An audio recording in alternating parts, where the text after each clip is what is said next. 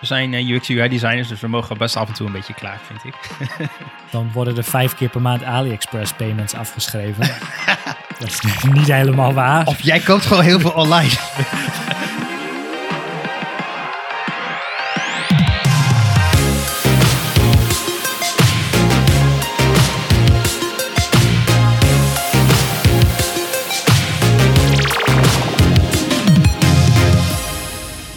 bij de Pixel Paranoid podcast. Ik ben Mikelle en samen met mijn co-host Rick gaan we alles behandelen rondom UX, UI en front-end development. En zoals altijd bestaat de aflevering uit drie onderdelen.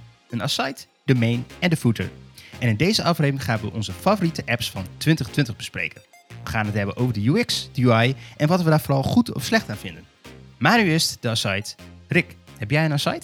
Ja, de aside uh, van mij deze week was het wel opvallend nieuws. Uh, de laatste Tesla-update. Uh, wij rijden beide een Tesla Model 3. En dit is eigenlijk de eerste auto die ik heb die zowaar updates krijgt. auto's die ik hiervoor had, hadden wel updates als je naar de dealer ging. Maar geen idee wat er dan geüpdate werd. Maar in ieder geval niks visueels. Hij werd er niet, hij werd er niet beter op. En ja, Tesla is wel een beetje het bedrijf die, uh, ik zou maar zeggen, eerder uh, computers maakte dan dat ze auto's maakten. En althans, ze, bouwen, ja. ze maken de auto om de computer heen. En um, ze hebben zowaar de, nou ja, de UI hebben ze gewoon aangepast. Uh, niet ontzettend, maar het ziet er gewoon allemaal net even weer wat anders uit. Um, binnenkort is er dan nog een update dat je zelf ook verschillende layouts kunt kiezen voor nou, hoe, je, hoe je je scherm ingedeeld wil hebben. Um, Vind ik wel ja, fijn. Kun je zelf, kun je zelf kiezen. Um, en natuurlijk ook wel geinig is dat ze nu um, de mogelijkheid hebben, in ieder geval in Amerika, want Europa heeft striktere regelgeving. Misschien komt het nog binnenkort, ik weet het niet. Maar je kunt um, via de speaker aan de buitenkant van de auto, die erop zit, uh, omdat die over een jaar volgens mij uh, uh, kleine geluiden moet maken als je onder de 30 km per uur of zoiets dergelijks rijdt. Via die speaker kun je nu geluiden afspelen. Nou, Tesla uh, kennende zijn dat natuurlijk scheetgeluiden. Uh, maar je kunt ook je eigen mp3'tjes uh, uploaden. Dus dat, is, dat, dat vond ik wel geinig. En je kunt via die speaker dus ook het geluid van je toeter aanpassen. Dus de, ja. de, Dukes of Hazard zitten nu, standaard, zitten nu standaard in. Maar ja, in Amerika helaas. Ik hoop dat het hier komt. En wat, en wat vind je nou van die nieuwe UI? Want ze hebben wel, ja, ik heb hem vandaag ook ontvangen. Ze hebben er best wel wat ja, best wel wat stevige dingen ook wel aangepast, vind ik. Ik vind hem wel even wennen. Ja, de, de, de snelheid uh, staat volgens mij ietsje kleiner. Staat niet meer in het, ja, laten we zeggen, de midden van het scherm is ook wat om te zeggen. Maar aan de linkerkant van het scherm staat nu helemaal linksboven in de hoek. Uh, dus je ja, moet iets verder uh, of minder ver opzij kijken om de snelheid ja. te zien. dat is natuurlijk bij een Tesla Model 3 uh, anders. Je hebt, geen, je hebt geen instrumentenpaneel meer voor je neus achter je stuur. Dus om je nee. snelheid of, of iets te bekijken, je lampen, je ruitenwissers, dat soort dingen, moet je opzij kijken naar het scherm in het midden van de auto. Uh, maar de snelheid staat nu helemaal linksboven in het scherm, in plaats van een stukje verder naar het midden toe. Dus uh, dat, dat vind ik wel fijn. Uh, ze hebben het, de weergave van ja, een, een, Tesla, die, die brengt alles in kaart waar je rijdt en wat hij om zich heen ziet. Dat kun je ook op de kaart of op, op het scherm kun je dat terugzien op het kaartje. Uh, dat is nu een stuk groter. Ik denk dat ik wel weet waarom ze dat gedaan hebben. Omdat ze natuurlijk bezig zijn voor een bredere uitrol van het, uh, het full self-driving, zoals ze dat zelf ja. noemen. Ja. Waarbij ze ja, meer, meer dingen in kaart willen brengen, zoals uh, verkeersborden, verkeerslichten, auto's en, en dingen om je heen. dus dan is het wel fijn om dat groter te zien. Ehm, ja, dat is momenteel nog niet dusdanig interessant, vind ik, om daar nu zo'n grotere ruimte aan Nee, dat, dat, dat had ik ook een beetje. Um, uh, je moet het zo zien, uh, nou het is even een beetje visueel uitgelegd, maar het scherm bestaat eigenlijk uit, uh, in eerste instantie uit twee panelen. aan de ene kant, aan de rechterkant heb je een grote kaart, waar je ziet waar je ongeveer aan het rijden bent. Maar ook als jij je navigatie aan hebt, zie je waar je route is. En aan de linkerkant vind je eigenlijk alle informatie die op dat moment van belang is tijdens het rijden. En daar zie je een 3D-model van, van de auto. En daar zie je dus, die zie je rijden op een soort van virtuele weg. En daar herkent hij dus ook borden en stoplichten en, en pionnen en andere objecten in. En ook andere auto's. En dat deel hebben ze dus nu groter gemaakt. En dus het, het, het kaartgedeelte is, is nu kleiner. Nou, dat vind ik wel even wennen, moet ik eerlijk zeggen. En ja. ook wat jij zegt, de informatie die, waar het voor bedoeld is, die hebben wij nog niet. En dat voelde het een beetje gek of kaal. Of, ja. Ja, nou ja, de achteruitrijcamera is ook kleiner. Uh, natuurlijk, Ja, ja, eigenlijk is alles wat aan de rechterkant van het, het scherm zat, is, is nu iets kleiner geworden. Het is niet, niet heel erg veel, maar het is net even, net even anders. Verder, animaties ehm, zijn natuurlijk wel weer gewoon netjes. Het gaat allemaal hartstikke soepel en vloeiend. En je ziet dus inderdaad ehm, een 3D-weergave van jouw auto, die zich ook ehm weerspiegelt met jouw auto in het echt. Dus hij heeft dezelfde kleur. En als je je ruitenwisser eh, aanzet, dan zie je die heen en weer gaan. Als je raam naar beneden doet, dan gaat je raam in de visualisatie ook echt op dezelfde snelheid naar beneden. Het is net Ja. alsof je een soort GTA-autootje aan het bekijken bent. Stuur je naar links, dan zie je de wielen ook naar links gaan. Ja, dat zijn hele kleine details. Lampen, ja, alles. hele kleine eh, details, maar wel, wel geinig. Ja, nee, het, het, het is eh, zeker geinig. Eh enige wat ik dus wel een nadeel vind, eh, nou daar hadden wij het vanmiddag al even over, is je kan dat paneel dus niet zelf kleiner en groter maken. Dus dat vind ik UI en UX-wise een beetje ja, jammer. Hè? Je, je wil dat een beetje naar je eigen hand zetten. Misschien vind je andere features op dat moment veel belangrijker, zoals de kaart. Ja. En daar hebben ze nu eigenlijk wat ruimte van weggesnoept. Dus ehm. Klopt. Nou komt er dus, eh, wat ik las, wel nog een update dat je daar zelf eh, keuzes in kunt maken binnenkort, hoe je het scherm wil indelen. Aan de andere kant, we zijn natuurlijk ook wel een beetje verwend dat we überhaupt updates krijgen en dat je de mogelijkheid hebt om dit soort dingen allemaal aan te kunnen passen. Eh, mijn Volvo, die, daar heb ik gewoon x jaar tegen hetzelfde rode schermpje aan zitten kijken en daar kon ik helemaal niks mee. En ze- Ja. zelfs nadat ik de navigatie-update had gedaan bij de garage, ieder jaar blijft hij gewoon bij flitspalen die al jaren weg zijn, gewoon rustig doorplingelen. ja, misschien zijn we wel verwend inderdaad. Maar goed, eh, we zijn eh, UX UI designers, dus we mogen best af en toe een beetje klagen, vind ik. Check. En eh, jouw site deze week. Ja, ehm, ik eh, kwam van eh, vorige week volgens mij een artikel tegen. Dat ging over de open source design tools van Discord. Eh, om een klein beetje uitleg. Discord is een, een, ja, een soort van au- audioconferencing tool. wat nou, met name denk ik wel veel gebruikt in de, in de gamingwereld ook wel. En veel Twitch-luisteraars gebruiken het. En nou ja, het, het is nu wel ook voor een breder publiek, moet ik eerlijk zeggen. Eh, je kunt erin chatten, je hebt groepchats, je hebt kanalen. Nou ja, eigenlijk wat je een beetje gewend bent, ook van Slack. Maar dan kun je, heb je is het hele audiogedeelte daar ook nog bij in, geïntegreerd. En ik weet dat Slack dat inmiddels ook kan, maar Discord is daar altijd op gefocust. En ehm, wat ze hebben gedaan, is ze hebben een aantal tools ontwikkeld voor eh, Figma. eh, om hun, ehm, ja, hun design system wat te optimaliseren en wat, wat handiger te maken. En ze hebben daar open source tools voor geschreven. Eh, dus eigenlijk plugins voor Figma. En eh, nou, ik heb er even drie, eh, drie eruit gepakt. Ze hebben dus blijkbaar een, een team selector gemaakt. waarbij je dus makkelijk hun hele design in oftewel de light mode of in de dark mode kunnen switchen. Dus al die variabelen en zo, die gaan in één keer in Figma allemaal mee. Nou, erg cool.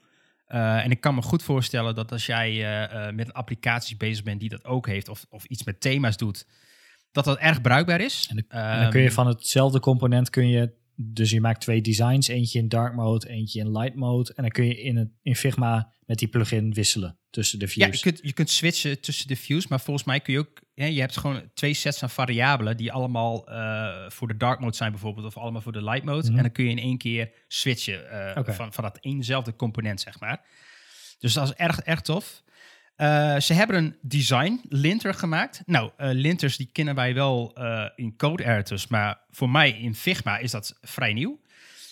Wat ze dus doen, is als er een nieuwe functionaliteit of een, of een nieuw dingetje wordt uitgewerkt in de UI, eh, dan halen ze dat door een design linter en dan checken ze van, hey, heb jij daar niet eh, funky borders gebruikt die we nog niet hebben gemaakt? Of heb jij eh, alle tokens, dus alle variabele namen wel gebruikt? Gebruik je geen kleuren die niet in onze library zitten? Nou, daar doet hij een check over en geeft hij een aantal meldingen en ehm, nou, zo proberen ze jou direct eh, eh, eraan vast te houden dat je ehm, aan die standaard moet voldoen. En ik denk dat dat als, ja, als je een beetje met een grotere applicatie die, die, ja, die echt op een design system leunt eh, gebruikt, dat dat erg handig is eh, om te hebben. Ja, je, ik kan me voorstellen dat je nog wel eens een keer een verkeerd font pakt, misschien. Of een verkeerde kleur Ja. grijs. Ook al heb je natuurlijk wel je, je standaard set met, met kleuren gedefinieerd. Misschien moet je toch, ga je toch per ongeluk ergens iets, eh, iets wijzigen, aanpassen, kopiëren. Of eh, en gaat er ergens iets fout. Ja, en, en ik denk dat je de, de designer bewust maakt van... eh, hey, denk eens over na. Heb je deze echt wel deze nieuwe kleur nodig? Of, of is het iets wat je toch uit het palet kan halen? Dus ehm, ja, een goede reminder. En ehm, eh, wat ze ook hebben gemaakt is een plugin voor een inhoudsopgave. En dat is wel iets wat ik echt wel eh, miste in Figma. Dus als jij eenmaal een, eh, een project hebt aangemaakt of een design system, dan heb je ontzettend veel artboards vaak. Mhm. En dan weet je eigenlijk niet meer, ja, door al die brei van artboards, waar je moet zijn of, of hoe dan ook. En eh, hier hebben ze een inhoudsopgave gemaakt die je automatisch naar de juiste artboard stuurt. Cool. Dus heel tof. Ik vind het eigenlijk een heel toffe, eh, toffe tools. Ze zijn allemaal open source gemaakt. eh, dus ze zijn allemaal volgens mij in, in ik denk in GitHub allemaal te bewerken. Cool. Ehm, die inhoudsopgave, die doet hij op basis van artboard names of zo? Of heb je daar verder nog niet... eh, Ja, volgens, volgens mij op basis van artboard names inderdaad. Dus dan maakt hij automatisch een, een artboard aan met linkjes van, die, eh, Ja. eh, van die artboards. Oh, dat is wel handig. Ja, nee, inderdaad, we hebben meerdere projecten gedaan waar, eh, waar je volgens eindigt met eh, tientallen, dan niet honderdtallen aan artboards met componenten daarop. Of pagina's.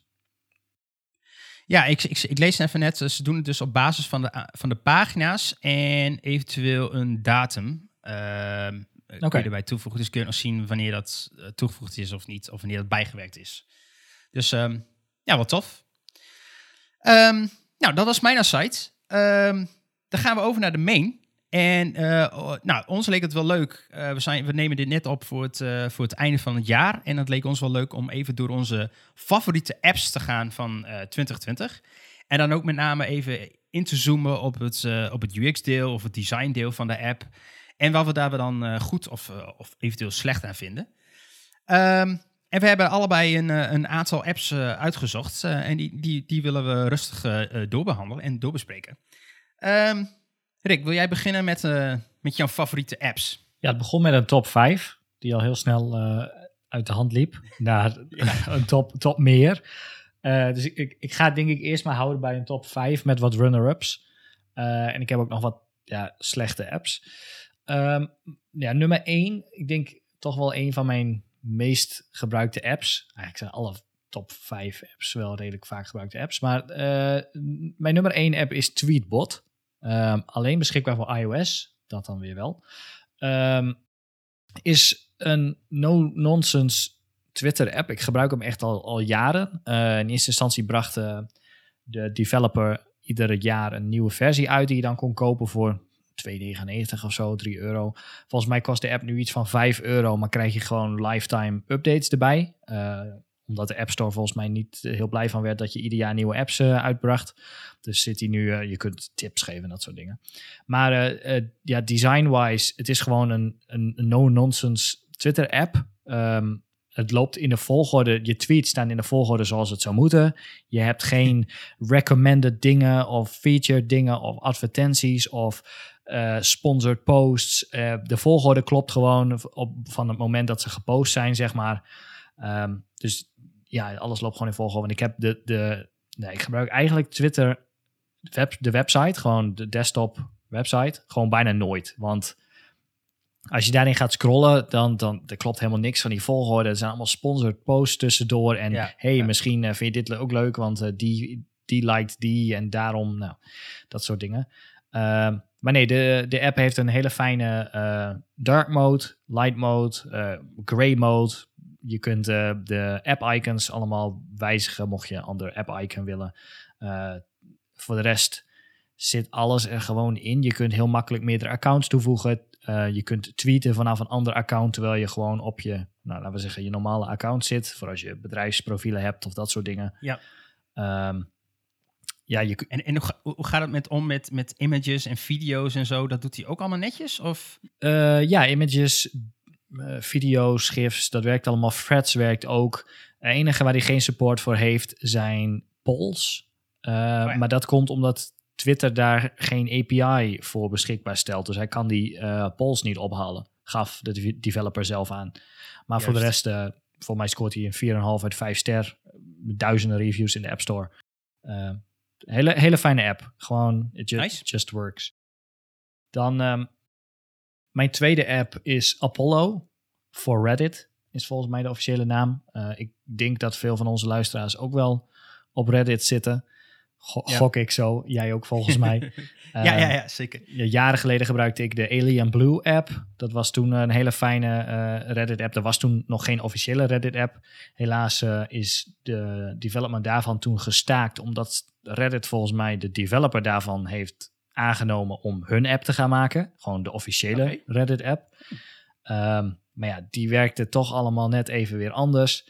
En ja, ik weet niet, ik, ik kon niet in die, in die app komen. En de Apollo eh, app heeft eigenlijk ja, de Alien Blue app overgenomen qua features en er nog veel meer bij gedaan. Eh, de app is heel, ehm, heel dynamisch. Je kunt echt alles instellen wat je zelf wil.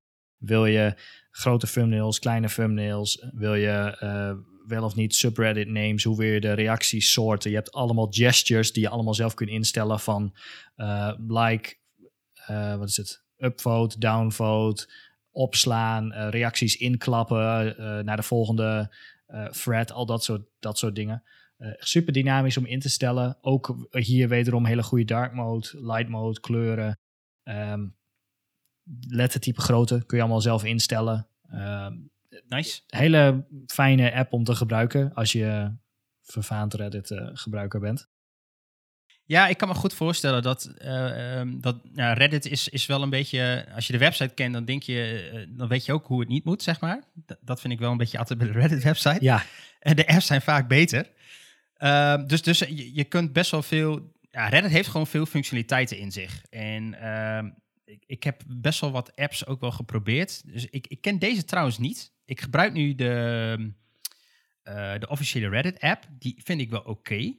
deze is Eh, beter. Maar, maar hij is wel wat warrig soms eh, qua schermen. En dan, dan, dan weet je niet exact waar je nu zit. En zit je ineens weer in de, in de all feed. En dan zit je weer, en dan zit je weer in je persoonlijke feed. En nou, dat, dat is een beetje. Dat zit wel in die tabbar, maar dat nou, nog niet helemaal. Dus ik denk dat ik eh, Apollo even een kans moet geven als ik dit zo hoor. eh. Ja, nee, echt. Je hebt een heel goed overzicht van je, van je, van je subreddits. Eh, je kunt ook nog subreddits favoriten om er heel snel heen te gaan. Je hebt je home, dus je eigen feed inderdaad. Je hebt popular posts, all posts. Ehm, ja, je hebt je, je searches en zo dergelijks werkt ook gewoon echt top trouwens. Ehm, je kunt nou ja, alle subreddits filteren, sidebars bekijken. Gewoon alles, alles zit er gewoon in. Werkt gewoon Ja. echt top. Oké, nice. Dus dat is Apollo voor Reddit. Eh, mijn derde app, en dat is niet zozeer een visueel hoogstandje, maar UI of UX technisch voor het hetgene waar ze het voor, waar de app voor gemaakt is, werkt het heel simpel. Het heet Scoopy. Eh, je kunt er gratis producten mee proberen in de winkel. Eh, vaak wekelijks of twee wekelijks. Dan ehm, zijn er allemaal, komen er allemaal producten in te staan die je dan vervolgens gewoon bij de winkel kunt halen. Hoef je niet meestal specifiek voor naar een winkel, maar soms dan is het alleen bij de Albert Heijn of bij de Plus of bij de whatever. Meestal overal wel. Alles van leeschips tot nieuwe KitKat bars tot nieuwe biersoorten of kaas of echt van alles en nog wat. Zoals je boodschappen aan het doen bent en je opent die app erbij, dan eh, kun je bijvoorbeeld, eh, staat dat je, dat je gratis kaas kunt halen. Dan eh, koop je gewoon die kaas en de app eh, die eh, biedt dan de mogelijkheid om een foto te maken van je kassabon. Dat is het enige wat je hoeft te doen. Zegt. Het zijn twee stappen volgens mij. Je klikt op het icoontje van dat je een foto wil maken. Je maakt een foto van je kassabon. Je drukt op volgende. Je vult eenmalig je gegevens in. Dat onthoudt hij daarna. Je, dus je naam en je rekeningnummer. That's it. Drukt op volgende. Binnen 24 uur heb je je geld terug. Oh. That's it. Meer hoef je niet te doen. Het is echt eh, super simpel. Nice. De, de app ziet er visueel niet ontzettend spannend uit. Ehm, een overzicht met kaartjes met gratis producten. That's it. Maar het doet wat het moet doen. Het doet wat het moet doen en het is ook super simpel. Je hoeft geen, niet, niet door honderden schermen heen. Je hoeft niet iedere keer je gegevens opnieuw in te vullen. Je hoeft geen... de- niks, niks spannends. Ze hebben zelfs... eh, als je de camera view opent, komt er te staan zeg maar, binnen welke kaders je dan je kassabon moet fotograferen. Maar eh, nee, dat, eh, dat is, Nice. vind, ik wel een, eh, vind ik wel een leuke app. Ja. Ehm, de vierde app is de Outlook app. Zowel iOS Ja. als Android. Ja, dan zeg je Outlook. Ehm, het is sowieso heel anders dan Outlook, die, wat je vroeger gewend bent. Althans, ik begon vroeger met Outlook voor Windows. Nou, dat was dan toch een contraption van een programma. Daar kon je alles mee, behalve volgens mij mail sturen. Nou, dat kon er ook mee, maar dat had, dat, nou, dat had wat voeten in de aarde. Er zaten zoveel features in. Like Photoshop wel voor UI-design. je, kon, je kon er heel veel mee. maar dus toen ik de, de Outlook app op iOS uh, ging proberen, toen had ik een beetje hetzelfde idee daarbij. Maar dit lijkt wel een compleet ander bedrijf en een compleet ander team dan, dat zal het ook wel zijn, die um, deze app hebben gemaakt. Nee, de, de Outlook voor iOS en ook Android uh, app zijn gewoon hele, hele fijne apps. Um, de, je kunt meerdere accounts toevoegen natuurlijk. Je hebt gestures, dus um, die je zelf kunt instellen. Wil je archiveren, verwijderen, favoriten. Als je een beetje naar links swipet of helemaal naar links swipet. Uh, dark mode zit er gewoon goed in. Ja, kan hem. En hij ziet er gewoon. Ik vind hem. Ik heb hem ook in mijn lijstje staan, namelijk. Ah. Hij ziet er gewoon echt netjes uit. Ja. Ik, ik vind hem echt. Uh, het is helemaal niet. Des Microsoft, die, waarvan ik eigenlijk heel vaak mijn twijfels heb of zij nou wel. Nou, wel echt goed zijn in design. Ja. het klinkt een beetje flauw, maar uh, nou, wat jij ook zei, hè, je, bent die, die Outlook-app op, op Windows uh, gewend met die enorme ribbons met uh, eh, 30.000 functies erin. Mm -hmm. En deze app is gewoon clean. Er zitten wat hele leuke, subtiele animatietjes in. Ja, klopt. Ik weet niet of je dat opgevallen is, maar in de kalender daar zie je het. rechts onderin staat een icoontje met het huidige dag, dus de huidige datum van vandaag. En als je naar links gaat of naar rechts gaat, dan zie je allemaal kaartjes voorbij animeren. Dat ziet er best wel cool uit. Ja. Ehm, ja, maar dat soort dingetjes. Het, het, is net alsof ze hier gewoon eens een keer over nagedacht hebben qua, qua UI en UX. Dat, uh, ja, het werkt gewoon. Het werkt gewoon goed. Ja, ja ik, heb, ik heb meerdere uh, mail-apps geprobeerd. De, de standaard uh, mail-app op iOS dan. Ik heb een iPhone. Ja, weet niet. Eh, lang, lang geprobeerd, maar staat niet al, weet niet, werkte niet fijn. Vond het nee. onoverzichtelijk. En wat heb ik nog meer, gepro meer geprobeerd? Um, nou, zeker die, die combinatie tussen je agenda en mail, die toch wel vaak aan elkaar gelinkt zijn, zeker als ja. het om werk gaat. Ja, dat, dat is voor mij best wel een, een, een no-go in de huidige, in de normale mail-app van, van iOS. Mm -hmm. uh, ja, dan moet je weer naar agenda switchen en nou, dat werkt niet helemaal lekker of zo. Uh, ook het, het zoeken in Outlook vind ik erg goed werken. Ja, um, klopt. Hij zoekt best wel slim, dus hij zoekt nou, sowieso in je, uh, in je subject, in het mail zelf, maar ook in personen en ook in uh, bijlages. En dat, dat, dat, heeft hij ook netjes gecategoriseerd, geeft hij dat weer. Mm -hmm. Dus ja, en ik, nou ja, ik, ik, ga er straks niet heel erg diep meer op in, maar ik heb hem ook in mijn lijstje staan. Ik vind het zeker een, een goede app. Ja, ik heb één, één klein sidepunt en dat is, ik, ik heb er een hekel aan als apps van die van die rode badges tonen met nummertjes erin van notificaties die ik dan nog moet lezen. Uh, je kunt in Outlook, de Outlook app, kun je of, of een combinatie van alle inboxen tonen, of je kunt één specifiek mailaccount tonen. Ja. Alleen je kunt niet de notificatie badges uitzetten voor één account. Dus stel ik heb ah, nu vakantie ja. of zo en ik wil gewoon, ik kan wel zeggen dat ik geen notificaties wil ontvangen van mijn werkmail. Dus ik zie ze niet in mijn lockscreen. Ik krijg er geen pop-ups van. Alleen ik zie het tellertje in de hoek wel de hele tijd oplopen. 2, 3, 4, 5, 10. en dan toch, dan open je de Outlook-app. Dan staat hij alleen op mijn privé-mail. Geen nieuwe mail. En dan, weet je, het is zo'n habit. Dan sluit je die app, pak je later ja. je telefoon weer. En denk je, oh, oh, 10? Wat heb ik nou weer gemist? Klik, oh, oh, niks nieuws. En dan, oh, dat is de werkmail. Dus dat is, uh, die kun je helaas niet uitzetten. Dat is een kleine. Dus als, dus als je in de categorie valt van uh, dat je al die badges weg wil hebben, waar ik er een van ben, want ik heb echt hekel aan al die badges overal, ik wil die weg hebben, dan is dat echt heel irritant. Ja, klopt. Ja, ja. klopt. Uh, en dan de laatste om de top 5 compleet te maken, de Flitsmeister app. Wie kent hem niet? Uh, ja. ik, ik ga ervan uit dat heel veel mensen hem wel, uh, wel gebruiken. Maar ja, het is een hele fijne, simpele app. Hij doet ook, ook hier weer een app die gewoon doet wat hij moet doen. Uh, dark mode, light mode zitten beide in. Werkt fijn. Knoppen zijn groot. Want joh, je zit in de auto. Dus je moet niet te veel afgeleid zijn als je uh, iets moet melden of ergens op moet drukken. Het zijn gewoon grote, duidelijke knoppen. Uh, je kunt je favoriete wegen instellen voor, voor, voor flitsers en dat soort dingen. En wat ik wel, wat ik wel leuk vind, is een app die begon als. Wel, vroeger, uh, toen ik bij mijn vader in de auto zat, had je zo'n, zo'n wat is het, een flits. Uh, radardetector en toen een radardetector detector en dat liep helemaal uit de hand totdat je de weet ik hoeveel had. Toen op het duur had je niks meer, want toen was het verboden. Nou, toen kregen mensen internet, kwam Flitsmeister om de hoek kijken. Nou, dat is helemaal, helemaal doorontwikkeld nu. En wat dan nu wel leuk is, dat het ook wordt gebruikt voor, ja, laten we zeggen, de, de goede zin.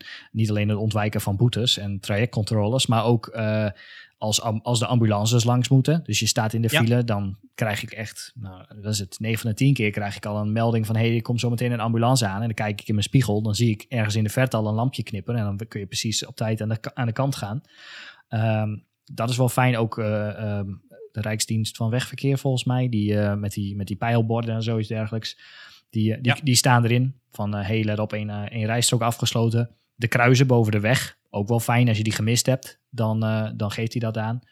Um, en bruggen, als ze open zijn en je rijdt ergens op af, dan zegt hij, hey, brug open. Niet dat je er wel aan hebt, soms kun je nog een andere weg kiezen, maar wel, wel fijn om te zien dat um, er steeds meer, ja, het, het maakt het, het rijden denk ik ook nog wel veiliger.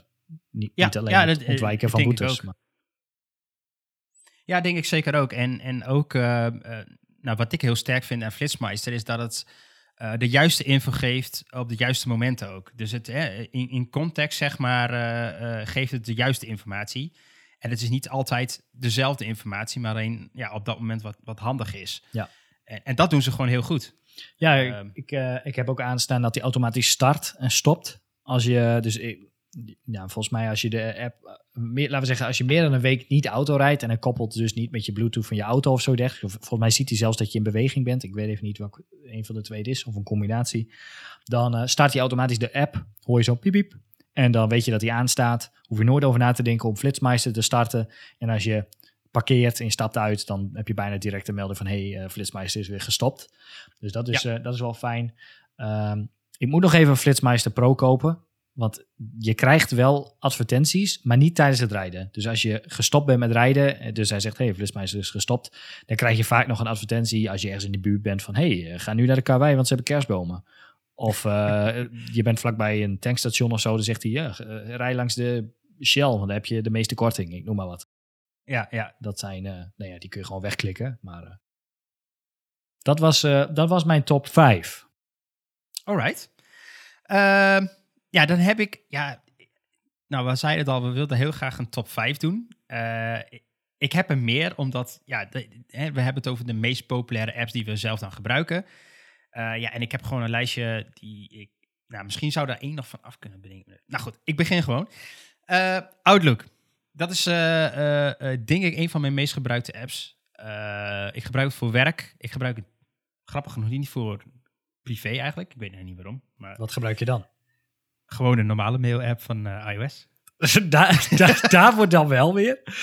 Ja, maar ik krijg niet. Ja, ik, ik, vind, ik vind die, mijn privé-mail minder belangrijk ook dan, dan mijn werkmail. Dus ik, ik weet niet waarom. En ik vind het ook wel fijn om het ergens wat gescheiden te houden. Hm. Zodat ik een beetje. Controle heb over die ja. notificaties, over die bubbeltjes. Ja, misschien, misschien is dat het, ja.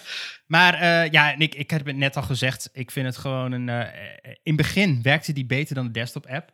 Uh, misschien nog steeds zelf, nog zelf wel, nog steeds wel bedoel ik. Uh, maar de, de, de desktop-app heeft wel een upgrade gehad onlangs, waardoor die nou, toch wel wat meer in lijn is, denk ik, met de mobile-app. Heb je het over de in ieder geval op iOS? Mac-versie? Ja, heb ik over Mac OS-versie. Ja, ik, ik vraag me niet hoe die van Windows erbij hangt tegenwoordig. Nee, dat is, dat is een goede vraag. Ik weet het, weet ik ook. Ik, ik, zit me even, ik ben even hardop aan het nadenken of ik dat ooit bij een collega of bij iemand anders heb gezien, die wel Windows gebruiken, maar nee. Weet ik niet zo. Um, maar uh, ja, uh, uh, hun dark mode is gewoon erg goed. Ziet er gewoon netjes uit. Um, goed geïmplementeerd. eigenlijk, ja, wat ik al eerder zei, niet helemaal des Microsoft. Dus, en dat is in een positieve zin. Ja, ja dat, ik blijf me daar ook over verbazen. Dat sinds ik het maar ga gebruiken, maar dat is ook al langere tijd dat als je komt van inderdaad Windows, Microsoft of uh, Windows Outlook, dan uh, is dit totaal niet wat je erbij verwacht. Nee, nee. En het, het, lijkt ook wel een beetje te bevestigen dat, dat Microsoft toch echt wel energie steekt om ook op andere platformen dan, dan die van hunzelf, uh, ja, toch wel wat goede apps neer te zetten. Want... Beetje net als Google, die ook betere apps maakt voor ja. iOS dan voor hun eigen Android-telefoons. ja, ja, dat ja. um, nou, uh, mijn, mijn tweede app is uh, uh, toch wel ING. Ehm, ik denk dat ING een van de eerste goede apps was in Nederland die een goede bank, bank-app neer heeft gezet. En ook wel direct qua UX. Ja, volgens mij worden ze best wel een tijdje ook wel onder de UX'ers al, al best wel goed aangeprezen. Ze steken er ook heel veel energie in, weet ik. Uh, heeft gewoon een nette styling, ziet er clean uit, doet niks geks. Alles zit eigenlijk op de plek waarvan je het ook een beetje verwacht. En dan bedoel ik ook mee van, ze, gaan ook mee in de, ja, in de trends, in de styling van, van, de, nou, van iOS of van Android uh, of wat dan ook. En uh, ik denk dat zelfs andere banken wel een beetje jaloers zijn geworden. En ook eens aan de slag zijn gegaan met hun apps. Want ik, ik weet in het begin de, de Rabobank app nog. En uh, nou, dat was echt drama. uh, dat echt, UX-wise was daar echt heel veel op aan te merken. En de ING, ING heeft dat eigenlijk sinds dag één al uh, best wel goed gedaan. En, en dat doen ze nog steeds. Ik heb ook het idee dat ze bij ING uh, een, um, zeg maar de vrijdagen vrij zijn om te mogen knutselen met eigen dingetjes. Want het, het is dan wel een, nou, volgens mij een van de eerste, of misschien nog steeds wel de enige app waar je nadat Apple had aangekondigd dat je Siri kon gaan gebruiken voor dingen anders dan Apple's eigen ding, was ING volgens mij de eerste waarbij je dan met Siri geld over kon maken. Hebben het nog nooit gebruikt. Ik zie het nut er ook niet van. Maar iemand daar heeft het toch wel in elkaar geklust. Dus je kunt dan ja. tegen Siri zeggen dat je geld wil overmaken. Nou, en dan zet hij zo'n ding voor je klaar en dan kun je hem goedkeuren. Geinig. En correct me if I'm wrong, maar volgens mij waren ze ook de eerste met Apple Pay. Uh, ja, nou ja, volgens mij was Bunk ze voor, maar alleen in Spanje. En dan moest je je account in Spanje zetten en dan kon je dat toevoegen en dan kon je er in Nederland wel mee betalen. Op, die, op zo'n omweg, zeg maar. Maar officieel was, waren ze de eerste, inderdaad. Ja, ja. in ieder geval, uh, ik, ik vind dat ze het gewoon, gewoon goed doen. En uh, ja, nou ja, als je niet bij ING zit, heb je hier niet zo heel veel aan. Maar als je er wel bij zit, dan is het een must-have. Want ik gebruik eerlijk gezegd hun webomgeving nooit meer. Tenzij het echt moet voor heel enkele dingen die ze dan Klopt. niet in de app hebben, zoals een andere producten van ING. Zoeken, zoeken werkt niet. Uh, als je, als je ver, ver wil terugzoeken of je wil spe oh ja, ja. specifiek zoeken op iets, dan, dan kan dat niet in de dingen. Maar ze hebben die app, um, ze waren inderdaad volgens mij een van de eerste met een fatsoenlijke app. Ook de, de eerste die uh, niet zo'n uh, rekenmachine nog gebruikte om in te moeten loggen op je omgeving. Uh, ja. Dan kon je met je app kon je dan zo'n tandcode ontvangen en als zo'n push notificatie en druk je op oké, dan was je ingelogd. Nou ja, dat, inmiddels zijn bijna alle banken zijn er wel van die rekenmachine af. Ik zit ook bij, Knap, ja. bij Knap, die, uh, die hebben het ook wel oké okay voor elkaar, styling-wise en, en, en, en UI-wise in de app. Die werkt ook wel fijn. Maar uh, ING die, die komt toch wel telkens met ja, de, de nieuwste features. Beetje raar voor een bank-app, want, want wil je daar nou weer voor nieuwe features in hebben? Ja, ik weet niet. Maar, oh, nee, wat ik al ik, zei. Ik heb nog een idee. Een feature. Ja. ING, als je, if you're listening. Uh, categor categorieën voor uitgaves. Vind ik wel lachen. Oh, ja. Dat, dat, dat is een goede. Volgens mij doet de Rabobank, die kan dat wel. Althans, die kan uh, bepaalde dingen aanmerken als zijnde, hey, dit is een abonnement en dit, is, uh, dit zijn boodschappen. Ja, ze, ze hebben, nou, wat ze wel hebben, maar dat, ik doe daar helemaal niks mee. Maar ze herkennen dus wel een bepaalde bedrijven. Zetten er ook een logootje bij. Mm -hmm. In ieder geval overheidsdingen wel. Uh, en wat grotere bedrijven ook wel. Maar inderdaad, dat zal wel een goede toevoeging zijn. Zodat je misschien ook nog wat uh, meer inzage hebt. Ik, kijk ook best wel, ik gebruik ook best wel uh, de, de kijk vooruit functie. Ja. Ik weet eigenlijk niet zo heel goed waarom.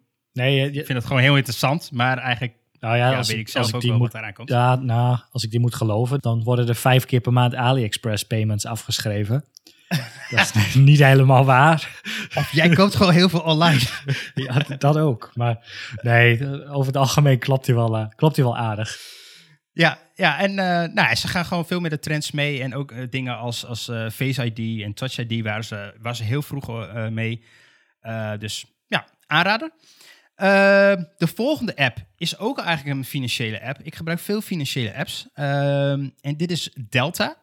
Uh, Delta is ooit begonnen met alleen uh, cryptocurrency. Dus als jij uh, in de cryptocurrency wereld zit en je hebt daar een aantal munten van, dan kun je die bijhouden. Dan kun je je aankopen bijhouden en de historie kun je bijhouden. En je kunt je portfolio in de gaten houden. En um, het is nog een hele jong ja, een redelijk jong bedrijf. Volgens mij zijn ze toen in 2017 begonnen toen uh, nou, de vorige hele crypto-hype uh, gaande was. En ik heb dat eigenlijk toen al een beetje gevolgd. Ik heb de betas toen wel al geprobeerd. En ik ben eigenlijk altijd blijven hangen, omdat het gewoon... Ja, UI-wise uh, zit het gewoon heel clean in elkaar. een mooie dark mode, erg fijn. hele, ziet hele goede, goede kleurcontrasten in. en het geeft gewoon heel veel inzicht. En je kunt heel veel dingen naar je eigen hand zetten. Dus je kunt allemaal je eigen portfolio's aanmaken met allerlei verschillende manieren. En sinds kort hebben ze dus ook, zag ik, de normale aandelen kun je er nu in beheren. Dus moet je, voor mij moet je ze met de hand toevoegen of kun je ook via hun kopen? Ehm, nou, ze zitten wel tegenwoordig aangesloten. Ik weet niet of ze overgenomen zijn door een van de partijen, maar ik zag dat ze door een partij zijn, uh, nou, ze zeggen powered by. En dat is dus een, een aandelenhut, uh, die ook een app hebben. Dus ik weet nog niet helemaal wat de relatie daartussen is. En ik had het idee dat je via dat platform wel aandelen kon aanschaffen.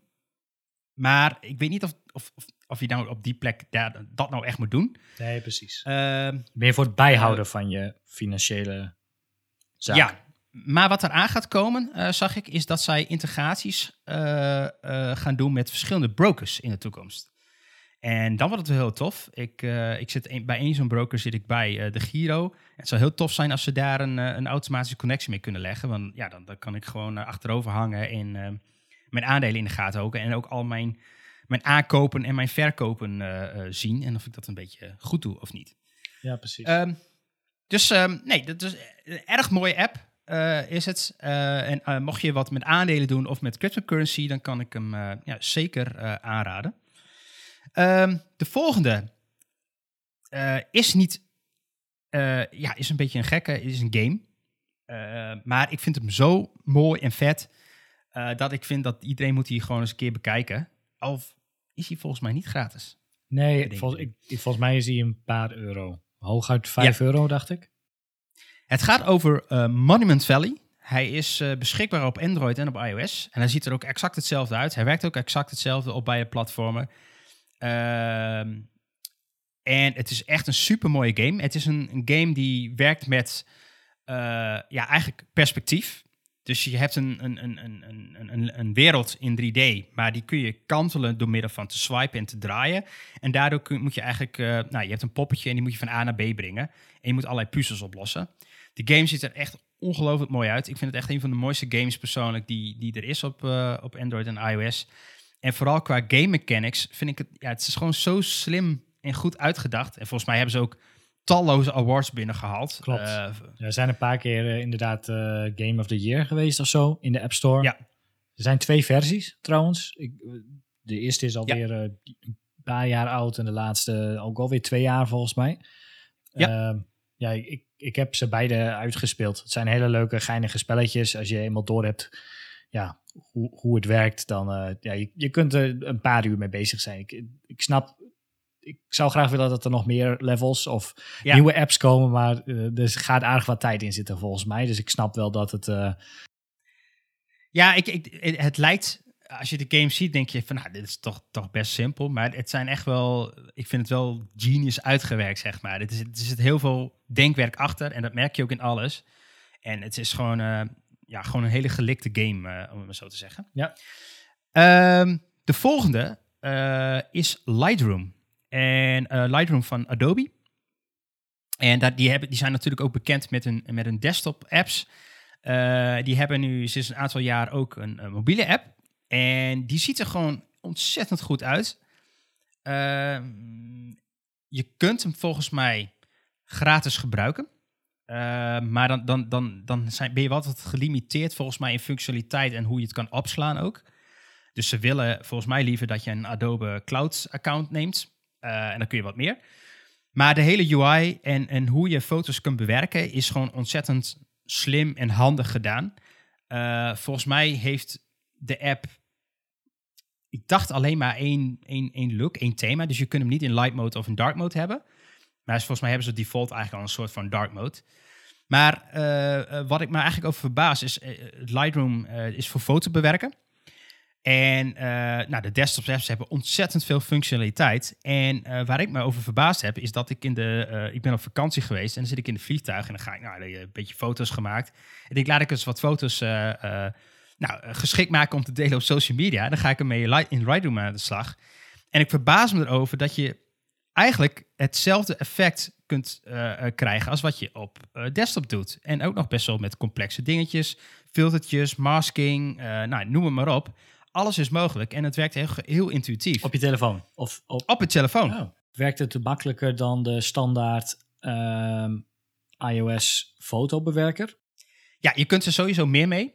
Want je hebt masking, je kunt uh, uh, op delen van de foto kun je uh, bewerking op doen. Of kun je kleuren aanpassen, of juist kleuren helemaal vervangen. dus ze gaan echt veel verder in dan de normale app.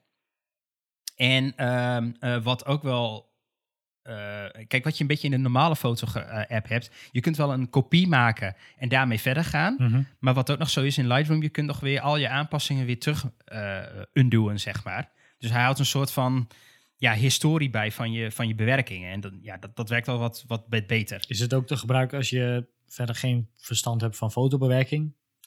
Ja, want kijk, uh, wat ik al zei, je hebt dus heel veel geavanceerde functionaliteit. Maar uh, in, in, in allereerste basis heb je gewoon een aantal dingetjes die je kunt doen. Die je ook wel gewend bent van, de, nou, van Google Foto's of van de Foto's app in, op iOS. Mm -hmm. ja, dat is wel standaard filters en zo. Die kun je ook gewoon allemaal doen. Uh, maar ja, mocht je wat meer zoeken, dan is dat, heb je die mogelijkheid ook. Dus het is, dus, het is best wel slim gedaan en uh, je wordt niet overspoeld met functies of, uh, of wat dan ook. Oké, okay, nou dan moet ik die even proberen, want ik heb, uh, even kijken wat heb hier staan, Pixelmator of zo. Dat is ook een of andere app, ooit is gekocht hm. voor 5 euro. Daar kun je ook de wereld aan dingen mee doen, maar ik vond ja. daar het scherm te klein voor om er fatsoenlijke foto's in te bewerken. Ja, precies, precies. Dat, en als ik, daar een foto, nee, dus als ik daar een foto in opende en ik ging hem opslaan, dan was hij 80 MB dat vond ik ook vreemd. Ik zal wel iets fout oh. hebben gedaan. Oké. Okay. Nou, bijzonder. Um, nee, dus dat, uh, dat, dat kan ik wel aanraden. Uh, de volgende is, is, is geen mobiele app. Uh, en is, is ook alleen maar volgens mij op macOS te krijgen. Maar ik, uh, ik, ik had, ja, ik heb, like ik al zei, ik heb een hele lijst met apps gemaakt. En dan zitten dan te denken van, ja, welke apps gebruik ik nog veel? En, en vind ik nou echt handig om aan te raden. En de volgende is Numi. En Numi is een soort van calculator voor op macOS. Uh, en uh, het ziet er een beetje uit als een kleine code editor. En uh, wat wel tof is, is dat je kunt werken met uh, variabelen. Je kunt gewoon, um, um, ja, hoe zeg je dat, sommetjes en andere dingen allemaal op verschillende regels neerzetten. Zoals je dat ook in een code editor gewend bent. En aan, achteraan elke regel zie je gewoon het resultaat staan. Ehm, nou, wat ik al zei, je kunt dus variabelen aanmaken, maar je kunt ook conversie doen van valuta of conversie van andere eenheden, zoals bijvoorbeeld hoeveel uh, centimeter zit er in een meter, of ik noem maar wat. Ja. Uh, of milliliter in liters. En hij snapt dus die, die woorden, zeg maar. Hij snapt gewoon als jij liters schrijft, dat, hij dan, dat je dan met liters aan het werk bent. En zeg je dan, nou, ik wil dat weer omrekenen naar milliliters. Of weet ik veel wat voor uh, combinaties je allemaal zoekt. Uh, dat kan die uh, uh, calculator dus allemaal. Ja, en hij kan ook, want ik heb hem op jouw aanraden ook geprobeerd, of ik gebruik hem nog steeds. Je kunt ook um, eigenlijk al verhaaltypende wijs een som maken. Ja. Dus stel je ja. bent met iemand in gesprek over een inschatting voor iets of zoiets dergelijks. Dan kun je gewoon typen, weet ik veel, vijf uur uh, hoofdmenu uh, en dan gewoon bla bla bla, alsof je notitie aan het typen bent. Alleen dan snapt hij dat jij vijf uur hebt opgeschreven en dan nou, zet hij dat zeg maar achter de streep neer. En dan, nou, zo kun je gewoon bij iedere regel kun je gewoon doortikken naar nou ja, alle inschattingen. En uiteindelijk rolt er gewoon een getal uit, uit jouw verhaal. Dus dat is wel ja. uh, fijn. Ja, ja het is een, het is een super kleine app. Het kost ook niks. Hij is gratis. nog, nog wel. Oh, nog wel? Nou, dus, Gaan ze betaald maken? Nou, er staat al jaren en dag op de website van uh, binnenkort ooit eens een keer wordt die betaald. Maar dat is alweer drie jaar geleden volgens mij. Misschien is die de development wel gestopt, dat weet ik niet. Nee, dat, eerlijk gezegd weet ik ook niet. Ik weet wel dat ik, uh, nou ja, ze, houden hem wel bij voor, de laatste macOS um, updates. Dus hij blijft werken. Ik zie inderdaad, uh, nou, en en ze hebben een light en een dark mode. Um, ja, je kunt hem inderdaad kopen, maar ik weet niet wat je. Dat is meer gewoon. Oh ja, er staat nu inderdaad bij use button below to activate unlimited notes, iCloud ah. sync en enhanced engine features. Ja, ah. ja. Oké. Okay. Hebben ze voor dat model gekozen? Oké. Okay. Ja. Nou ja, voor, nou, voor, voor, de basics die ik heb, uh, werkt, ja. werkt hij voor alles. Nee, daarom, daarom. En ze hebben er ook een, uh, een, een, nou, een, een, documentatie bij geschreven. Uh, waar je nog kunt zien van hoe je dat allemaal kunt doen en welke functies er allemaal in zetten. Ehm, ja, ik zeg grote aanrader, want ik gebruik hem echt al jaren. En ja, ik vind het echt een geweldige app. Ehm, dan mijn laatste top-app, eh, Plex. En ehm, eh, Plex is beschikbaar op Android, iOS, macOS, Windows, op je tv, eh, op, op tablets, nou, you name it. Volgens mij zitten ze overal wel. Er is ook een webversie zelfs. Mhm. Ehm, ik gebruik Plex om eh, ja, series en films eh, vooral te kijken. En hoe ik daar dan kom, dat, nou, dat laat ik tussen weten. maar los van dat, het is gewoon een, een ontzettend mooie eh, app en overzichtelijke app. Eh, het wordt ook heel actief ontwikkeld, doorontwikkeld. Eh, ik moet wel zeggen, de mobiele apps zijn eigenlijk in de laatste jaren niet enorm veel veranderd qua UI. Nee, misschien moeten we nog even iets meer detail geven. Plex is een ehm media server. Oftewel, je kunt het installeren om Ook ja, ook. ook. Ja, ze, ze bieden zelf ook dingen aan. is onder andere een media server die je installeert op je computer, laptop, eh, kleine bijcomputer, server. Waar je maar mediabestanden op hebt staan die van jouzelf zijn. Zoals films en tv-series, maar ook je eigen muziek die je allemaal Ja. hebt opgenomen. Podcast. Podcasts. ehm, dat indexeert hij, trekt hij door allemaal databases heen van IMDb. Dus nou, stel je hebt toevallig inderdaad een film opgenomen zelf die ehm, ook op IMDb staat. Dan eh, zet hij die eh, gegevens erbij en dan krijg je eigenlijk een, een Netflix-style overzicht ehm, met, eh, nou ja, met jouw eigen media. En die kun je vervolgens eh, vanaf eh, overal ter wereld afspelen. En dan speelt hij het eigenlijk, nee, dan stream je het vanaf je, je computer thuis of waar je die dan ook maar hebt staan. Ehm, en dat is, ja, ik gebruik het zelf ook. Het is een hele fijne app. De, de mobiele apps die hebben dan volgens mij wel om geld te verdienen in-app payments. Ehm, je kunt dus niet de volledige versie van een mediabestand eh, op een mobiel afspelen. Dan, dan moet je volgens mij eh 2,99, 3,99 betalen volgens mij. Ja, Eh, maar je kunt, je kunt het wel afspelen op je mobiel en volgens Chromecasten naar je televisie. Mocht je de Plex-app niet op je televisie kunnen hebben of zo, Ja. dan... eh, Ja, voor wat oudere tv's. Hè, en je hebt een, een Chromecast bijvoorbeeld, om toch wat smart te zijn. Ja. Dan kun je hem daar naartoe eh, streamen.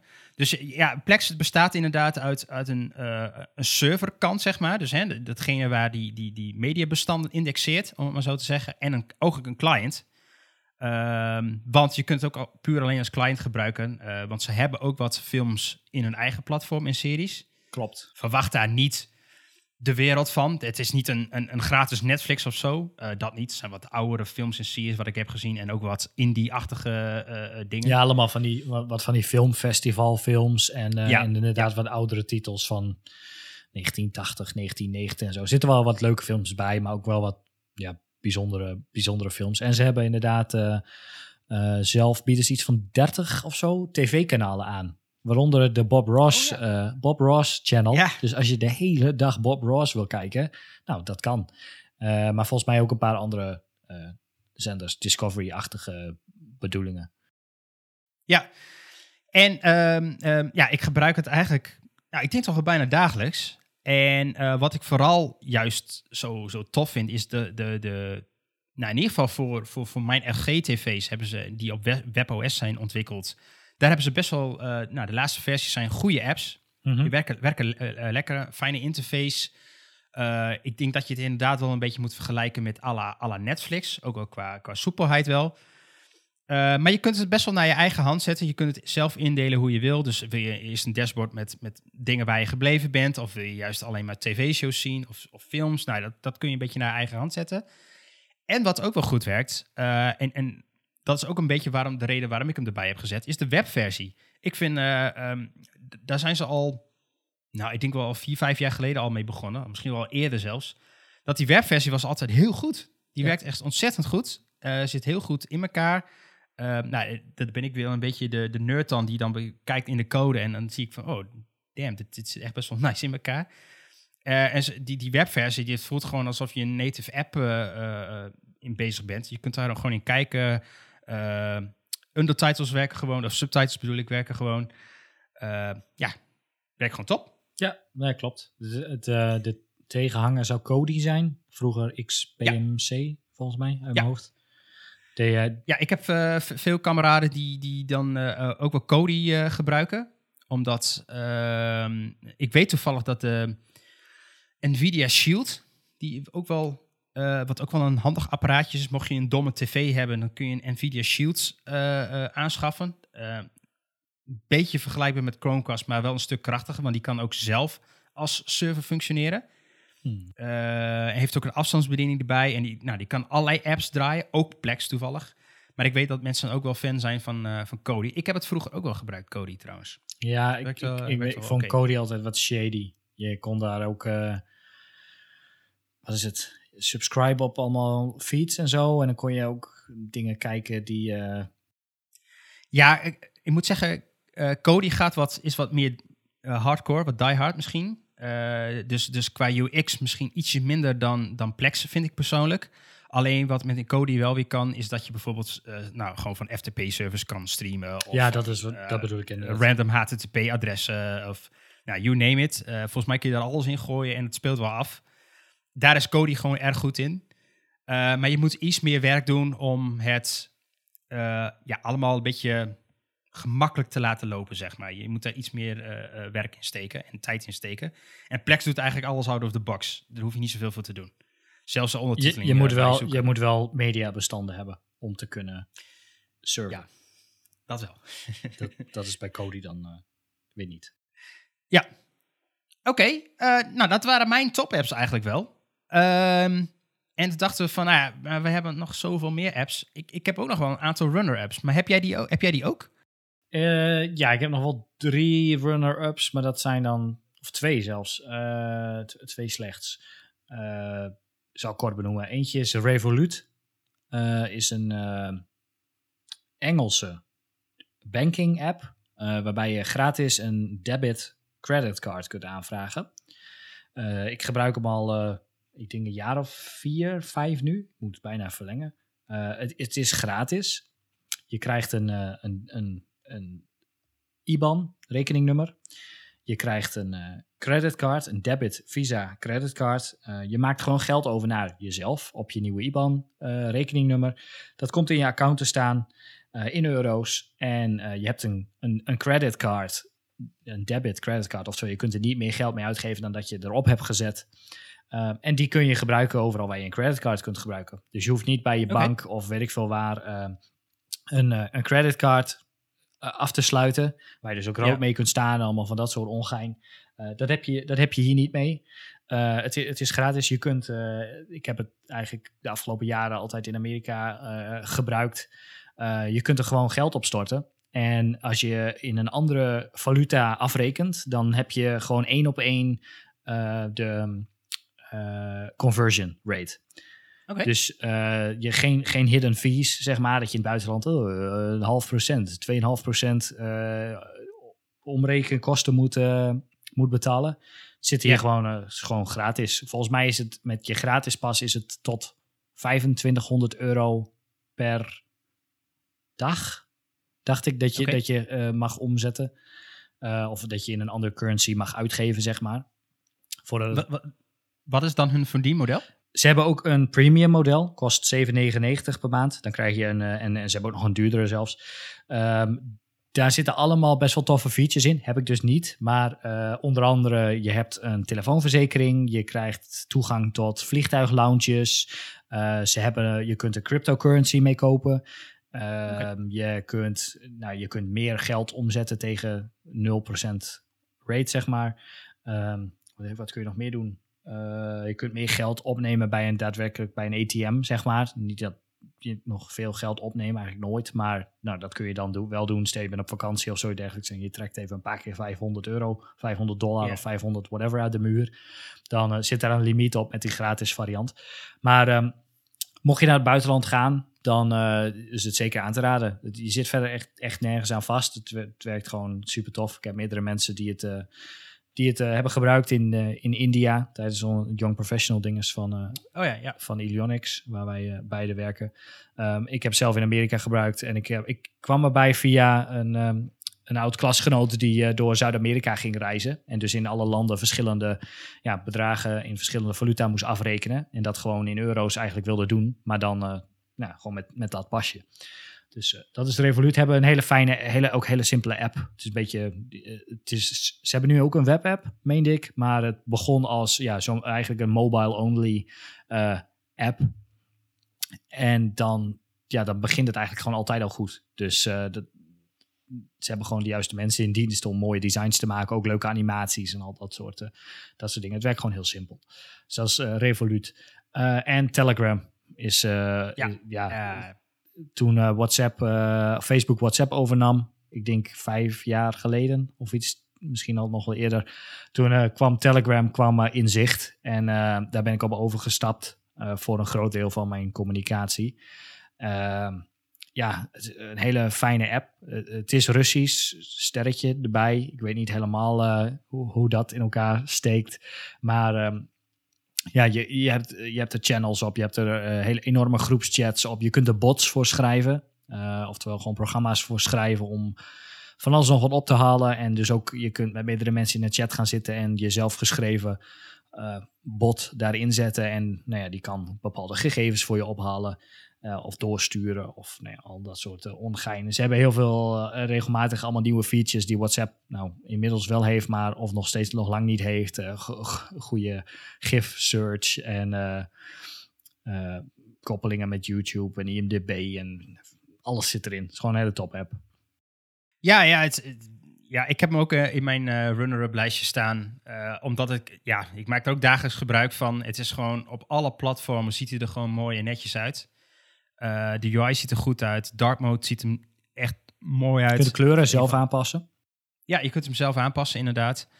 Uh, en het is, het is eigenlijk een beetje WhatsApp on steroids. Uh, en, en eigenlijk zitten er heel veel features in die ik nog steeds hoop op dat die ooit eens een keer in WhatsApp landen. Maar dat zal wel niet gebeuren. En uh, ja, ik heb het idee dat Telegram dat iets beter voor elkaar heeft. Ja, nummer één reden waarom ik toen over was gegaan was... Ah, je had toen nog geen WhatsApp web. En je wil, ik wilde gewoon niet de hele tijd op mijn telefoon moeten zitten om te reageren op mensen. Ik, wil, ik ben gewoon aan het werk. Dus ja, nou ja Telegram had, heeft gewoon een, uh, ja, een hele fijne... Uh, ze hebben een webclient, maar ze hebben ook een uh, macOS en ook Windows. En eigenlijk overal hebben ze wel apps voor. Ja. En dat, ja, het werkt gewoon fijn. Het synchroniseert gewoon niet de hele tijd dat WhatsApp web die roept dat je telefoon niet in de buurt is of dat soort dingen. Nee, check. Oké, nice. Um, had je nog meer? Nee, dat waren mijn runner-ups. Ik heb nog wel okay. worst apps, maar daar kom ik zo nog even ook op. Ja, is goed, is goed. Dan ga ik nog even uh, wat, wat, positieve apps uh, voorbij knallen. Ik heb een, een, een, aardige lijst, maar ik ga er ook even snel doorheen. Het, het, zijn ook een beetje honorable mentions, om het maar zo te zeggen. maar de, de Corona-app, ehm, heb, je die, heb je die bekeken? Corona, ja. Die, uh, ja, de, uh, ja, app, app. Het is een introductie. Ja. Het is een soort, uh, hoe heet het? Zo'n introductiescherm, vijf na elkaar. Zo'n zo onboard. Ja, een onboarding en dan, dan ben je er. Klaar. Nee, klopt. Maar voor wat ze gedaan hebben, ziet er gewoon super clean uit. er zit een, een, simpele animatie in. Het ziet er vertrouwd ook uit. Maar toch wel modern en fris. Ja. En nou, dat voor in de tijd die ze hadden om, om een app neer te knallen. Uh, waarvan je sowieso weet dat je ontzettend veel feedback slash commentaar krijgt. Accessibility-wise is hij ook uh, trouwens... Uh, hij is ook open source. Hij staat ook op GitHub. Ja. ja.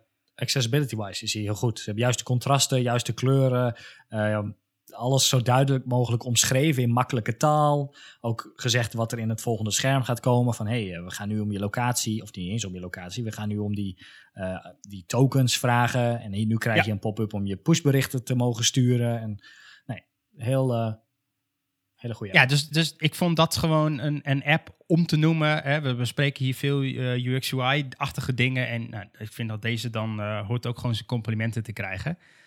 Um, uh, verder uh, hebben we, heb ik Instagram toch maar genoemd. Ik weet, er zijn ontzettend veel grote apps uh, die, ja, die we dagelijks gebruiken. En nou, dan kijk ik een beetje in de, in de Facebook-hoek. Dan vind ik dat ze niet overal even goed in zijn geweest. vooral Facebook zelf vind ik ontzettend bagger eigenlijk. maar Instagram vind ik eigenlijk UI-wise en, en UX-wise best oké. Uh, de app doet wat het moet doen. Is eigenlijk veranderen ze er ook niet heel veel aan. Uh, af en toe is een keer een knopje die ze veranderen. Nou, we hebben onlangs in de, in de UX-UI-wereld een hele commotie gehad over eh, het verplaatsen van, de, van die like-button. Uh, dus waar je al jouw likes uh, ziet, die hebben ze verplaatst. en daar zit volgens mij nu een van de market icoontje, Ja. waar ik volgens mij nog nooit op geklikt heb. Ja, nou ja, ik klikte er vanmiddag dus per ongeluk op, omdat ik op zoek was naar hoe ik in godsnaam een story moest posten. Want er stond eerst een plusje in de, in de hoek ergens. Maar Ja. die staat nu ergens onder je profiel, schijnbaar. Want ik zat inderdaad automatisch onderop te klikken, maar toen zat ik opeens in Reels. En toen dacht ik, oh, dan moet ik daarnaast zijn. Toen zat ik opeens in Shop. Ik ben wel een beetje bang dat dit... Ik, ik hoop het niet, maar een beetje een, een, eh, een, een afgaande bedoeling wordt, zeg maar. Nou ja, eh, wat ik wilde, wilde zeggen eigenlijk is van... De app voelt nog steeds wel redelijk vertrouwd. Ja, ze hebben nu al wat dingen aan het verschuiven. En je merkt nu eigenlijk in het laatste jaar dat ze toch wel wat commercieel... Ze zijn wat commerciëler aan het, aan bezig. Eh, dus ik weet niet of Facebook daar eh, loopt te drukken om, om meer omzet te genereren... Of, of wat daar precies gebeurt. Dit, dit zijn wel hele bewuste U- eh, UX-keuzes die ze gedaan hebben. Dus echt de likes-knop verplaatsen. En daar zit nu een, een shop eigenlijk. Nou, dat is een, een hele bewuste keuze, denk ik. Ze zullen net als Snapchat ook nog wel steeds geen geld verdienen, denk ik. Ja, dat is, dat is een goeie. Ik weet, ik weet ik, durf ik niet te zeggen. Nou ja, het begon eh, vroeger als een hele simpele foto-app. En inmiddels kun je er een hoop meer mee. Maar Ja. ook, ik heb hier soms wel een beetje... De, da- de data hoarding die, die ze volgens mij doen, is wel... eh, als je Ja, is groot. een paar keer op een... eh, nou, laten we zeggen, je klikt op een post van een, een auto. Dan staat vervolgens die Discover page vol met auto's. Of honden of katten of wat je ook maar hebt aangeklikt. Het, eh, ja, en de advertenties tussen de stories door. Voor mij wel drie advertenties per, eh, Ja. per swipe nu. Het, eh, Ja, nee, ik- het commerciële deel, dat wordt steeds wel, dat- wordt wel groter. Dat merk ik wel. Alleen, ik vind wel dat, weet je, Instagram is er nu behoorlijke tijd. En, en qua UX zaten ze dus best, wel on point. Als je nog steeds niet enorm veel veranderd hebt aan die, aan die UI. Dus dat, dat vind ik gewoon wel wat van te zeggen. Dus, dus ze hebben daar ooit wel eens wat neer, goed neergezet. Ehm, de volgende is eh, Amazon Alexa. De app. Ehm, eh, nou, die, die, die heb ik eh, sinds dat ik een, een, een Echo Dot heb, zoals we ook in, in een andere aflevering besproken hebben, heb ik ook de app. En eh, nou, die ziet er eigenlijk best wel oké uit. Enige nadeel vind ik, er zit ongelooflijk veel functionaliteit in. En dat is nogal af en toe eens een beetje zoeken waar je nou die bepaalde instellingen moet doen. En, ehm, maar eh, over het algemeen, het inrichten van je huis, dus devices in een juiste kamer zetten en dat groeperen en dat bij elkaar zetten, dat werkt best oké. Ehm, en ik vind, ik vind de app ziet er ook wel, wel nice uit. ja, ik wil niet gelijk je hele runner-up lijst afkraken. Maar Nee, nee, het zijn ook, het zijn ook runner-ups. Hè? Ik, ik heb ze niet bij de top apps gezet. nee, Maar eh, wat is je feedback? Nou ja, ik erger me eraan dat je onderin die balk niet kunt fine-tunen wat je onderin de balk even visueel. Daar heb je een x aantal. In die tabbar. in die tabbar heb je een x aantal Ja. shortcuts. Eentje daarvan is communicate, communicatie. Eh dat kun je hier niet gebruiken, want hij vraagt om een Amerikaans telefoonnummer. Alleen iedere keer als je erop klikt, dan opent hij wel zo'n onboarding screen waar ik doorheen moet. Die communicate kan ik wel gebruiken. Nou, dan moet ik iets verder uitzoeken. Nou, laat ik zo zeggen. eh, eh, Amazon die heeft zo'n, eh, of, of de, de Echo Dots, en die hebben zo'n functie die drop-in. Dus dan kan ik, zeg maar, in, in één kamer, kan ik indroppen bij iemand anders. Of in een andere kamer, of bij iemand anders in een account. Ja. En volgens mij gebruik je daar die Communicate tab voor. Dus, dus dan kun je live met elkaar spreken. En dat is best wel grappig. Ik moet heel eerlijk zeggen, ik gebruik het niet enorm veel. Maar Nee, Ehm, check. Oké, nou, en mijn- andere sidepunt was dat heel veel, heel veel submenu's van de app eigenlijk gewoon webviews zijn. ja, dat wel. Klik je iets aan, zie je gewoon op de Amazon website. Ja, en, en, en dat is ook een beetje mijn, mijn minpunt. Dus er zitten dus ongelooflijk veel van die eh, eh, paneeltjes in met settings en, en instellingen. En nou, dit instellingmenu is echt huge. Daar heb je echt gewoon wel, wel 20 opties met daaronder weer allemaal views. Eh, dus dus het kan wel een beetje een, een, eh, een zoektocht zijn eh, om te vinden waar je bepaalde dingen wil doen.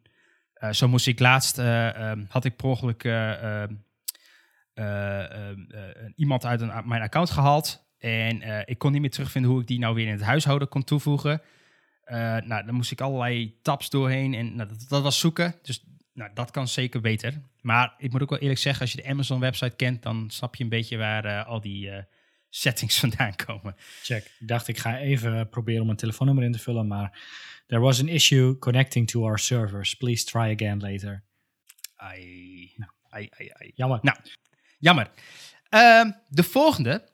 En daar heb ik heel. Die had ik even eerst in mijn top 5, maar die werd eh, door, door andere apps eh, eh, weggeknald. En dat, komt ook wel omdat er, er zit één buggy ding in. Maar de Eneco-app eh, vind ik erg mooi. Op iOS trouwens. Ik weet niet dus hoe die eruit ziet op Android. Maar op iOS ziet hij er mooi uit. Ze werken hem vaak bij.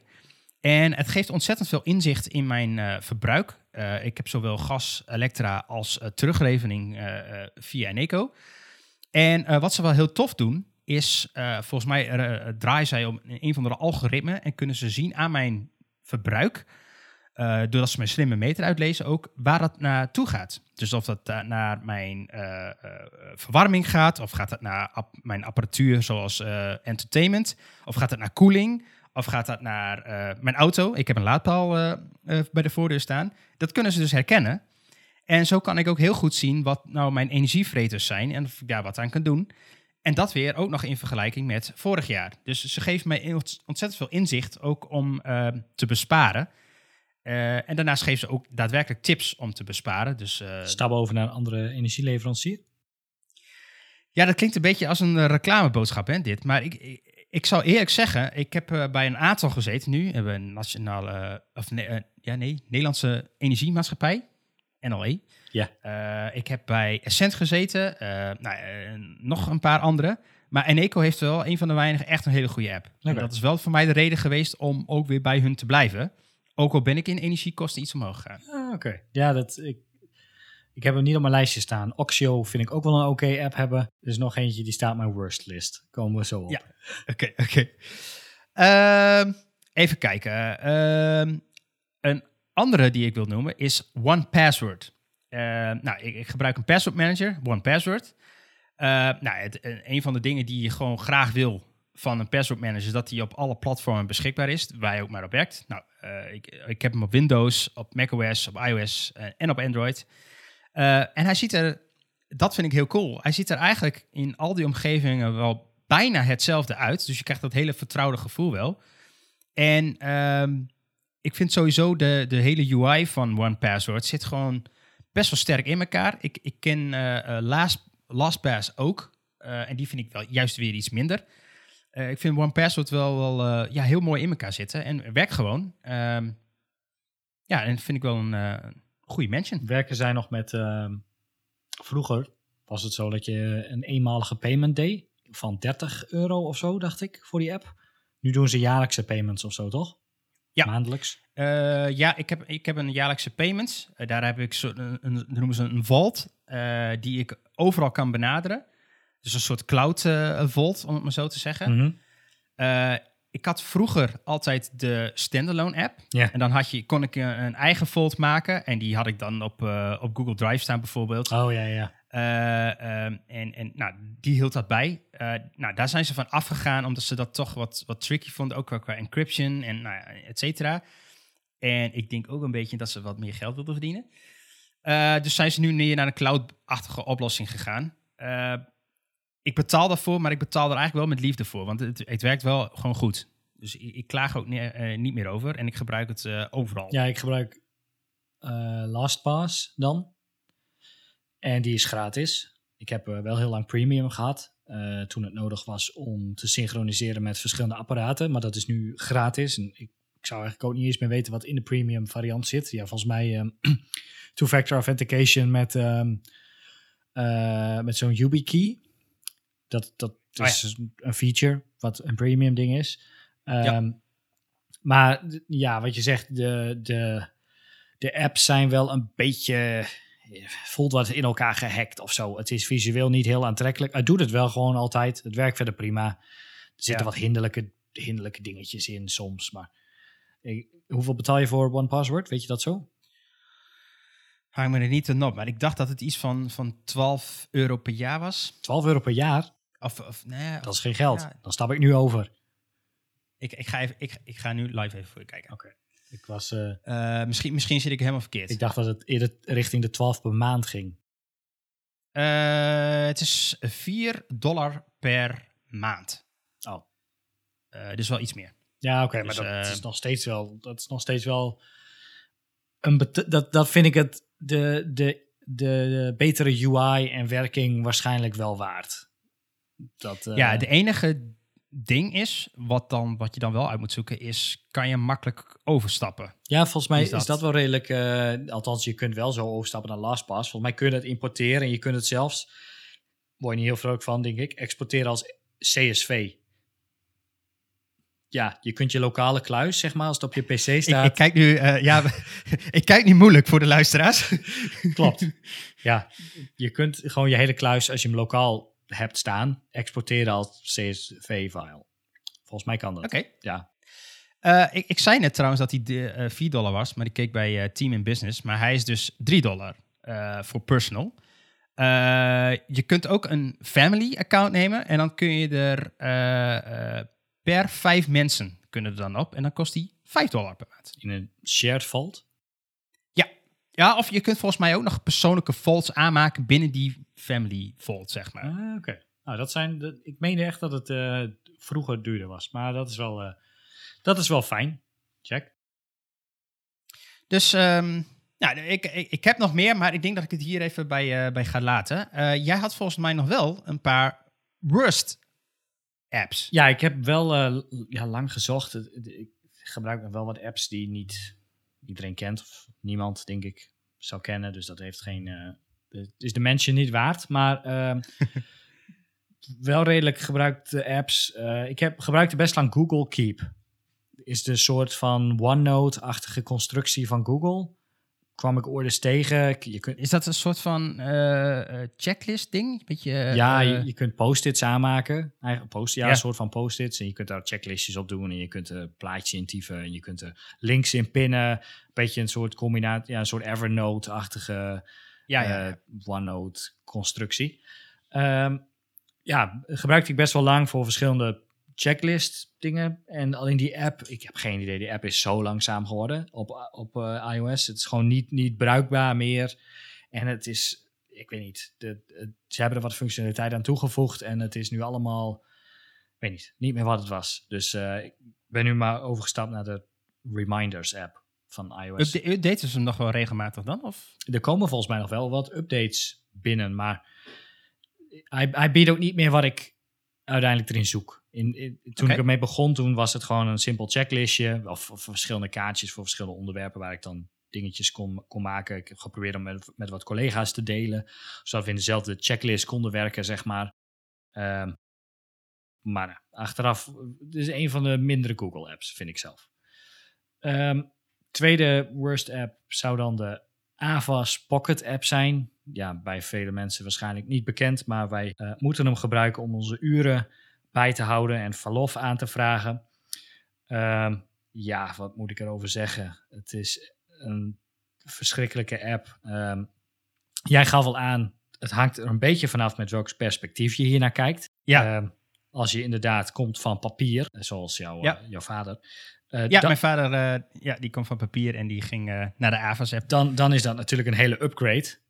Als je gewend bent om nou ja, de top 5 apps te gebruiken die wij net hebben genoemd. en je moet dan dit gaan gebruiken, dan breekt het, breken de tranen toch wel even los soms.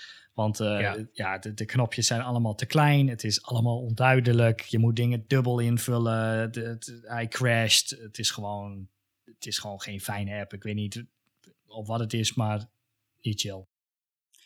Ik denk dat eh, ehm, wij onze salespersonen even op pad moeten sturen om eh, ja, dat we toch een, een Avas klusje moeten doen. Yep.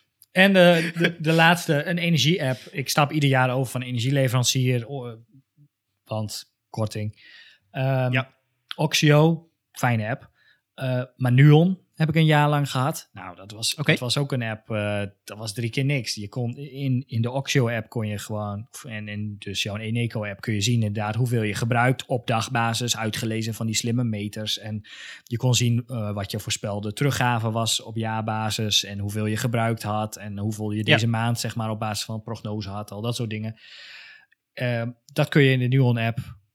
Toen ik hem vorig jaar, of dat was tot februari dit jaar volgens mij gebruikte, kon dat gewoon niet. Dat was, je kon, als je telefoon in landscape draaide, dan zag je, zag je grafiekjes, staafgrafieken, en daar kon je dan op klikken en dan, dan kon je wisselen tussen euro's en uh, kubieke meters of uh, kilowattuur, dat soort dingen. Maar je kon er verder niet niks op dagbasis echt uithalen. Het, het was, ik heb gewoon praktisch een jaar lang bijna niet gebruikt en toen maar gehoopt dat het goed ging komen. Dus dat was een beetje jammer. Dat, uh, die, daar ga ik in ieder geval niet weer op overstappen.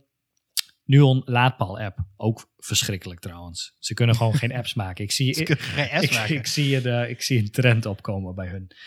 um, nee, dat waren mijn, uh, ja, toch wel worst apps, zou ik zeggen. Ja, precies. Ja, ik, ik heb niet echt uh, gezocht naar worst apps. Dus, dus één app die mij uh, te boven schiet, die ik nog wel eens af en toe eens gebruikt, is weer zo'n finance app. Het is de broker die ik veel gebruik en dat is De Giro. qua broker is er helemaal niks mis mee. en ook hun, hun, hun webapplicatie is eigenlijk best oké. Maar ik vind de app, ja, de functionaliteiten zitten er allemaal in. Maar daar is ook alles mee gezegd. Het zit op onlogische plekken. Soms kom je in, in diepe gelegen views terecht en dan weet je niet meer hoe je terugkomt naar een soort van homescherm. Er is niet echt een homescherm eigenlijk. Uh, ik, ik, heb, ik ben altijd de weg kwijt in, in die app. En ik, ik ben nog niet echt a-technisch, uh, zou ik zeggen. Dus, dus, ik weet niet wat zij verkeerd doen, maar um, nee, dat is, ja, ik voel me er niet in thuis. Ook als je gaat zoeken. Ik gebruik ook die app. Waarom gebruiken wij zoveel dezelfde apps? Anyway. Ja. De, als je, Misschien moeten we een podcast beginnen. Ja. Als je inderdaad gaat zoeken in die app en dan klik je een resultaat aan en denk je, nou, dit is, oh, wacht, dit is leuk, maar ik wil nog even verder of zo. Ga je terug als je weet hoe je terug moet. En dan ben je gewoon weer ja, bij ergens anders. Maar niet op, ja. op je zoekresultaat of zo. En dan kun je weer opnieuw beginnen. Dat, uh, en de knopjes zijn allemaal echt heel klein. Het werkt allemaal wel. Ja. Uh, het is niet ja, het werkt en daar, daar is, alle functionaliteit zit erin. Dus het vinkje, we hebben een app, die hebben ze aangevinkt. Maar nu nog uh, leren om er echt een goede app van te maken. Want ik denk dat ze dat wel kunnen. Want ja, al die functionaliteiten zijn, zijn best oké. Okay. Alleen als het nu bruikbaar wordt, dan, dan ja. Ik denk dat voor hun dat je gewoon een, groot, grotere doelgroep kunt aanboden. Dus, als, je, als, je, nou ja, als je even afwijkt naar, ik heb volgens mij Bugs een tijdje ja. gebruikt. Dat was meer voor de lol. Gewoon, ja. want dan krijg je nepgeld en dan kun je neppen leggen op basis van echte aandelen. Kijken of je, hoe snel je al je geld kwijt kunt, kunt verspelen, zeg maar. Of niet. Ja. Maar de, ja, dat, dat is weer zo'n app die gemaakt is voor, voor, voor jongeren, om het zo maar te zeggen. Um, met gewoon een fijne, fijne UI, grote knoppen, simpele interface. Uh, en dit, dit niet. Hier hebben ze geprobeerd om, denk ik, te veel informatie in zo'n app te proppen. Wat ook wel kan, alleen ze hebben er niet echt over nagedacht, denk ik, hoe ze dit het beste ja, kunnen nee. weergeven. Nee, eens. Alright. Uh, zullen we hiermee onze main afsluiten? Ja, dat, uh, het is een lange dit keer. Ja, het is een lange. Einde, okay. Eindejaarsklapper. Ja, zo is dat. Uh, dan gaan we naar onze footer. Um, heb jij een, een, een, tip toevallig of iets anders wat je wil, wil melden? Ja. Ik moet even spieken. Oh ja, mijn tip van deze aflevering is Briefs.video. Van Hayden, Hayden Pickering, welbekende gast in het accessibility vakgebied op front-end development. En die heeft een ja, side project gestart. Hij, hij, noemt het Web Briefs, Web Debriefs. en de website is briefs.video, waarbij hij op een zeer komische manier uitlegt of gaat uitleggen ja, verschillende accessibility punten. Hij heeft nu één uh, ja, teaser video gemaakt van een minuut of, uh, minuut of acht. Met uh, ja, hele komische animaties erbij. lach om even te checken. Vooral als je accessibility, iets oh, meer over accessibility wil weten op een komische ja. manier. Ja, sowieso, het, sowieso moet je hem, denk ik, even checken, eh, los daarvan. Het is gewoon een komische gast. En, uh, maar volgens mij hebben we hem wel niet eerder genoemd in een aflevering. Mm, Twijfel erover. Nou, volgens mij nog niet. Ja, bij deze. Ja. Hey, Hedron, even checken. Ja. Eh, nee, oké. Ehm, ik heb ook een, eh, een, een, tip. Eh, ik twijfel er even of het een aside moest zijn of niet. Maar ik, ik maak er gewoon een tip van. Het is geschreven, onder andere, is, door Brad Frost. Brad Frost is bekend van Atomic Design.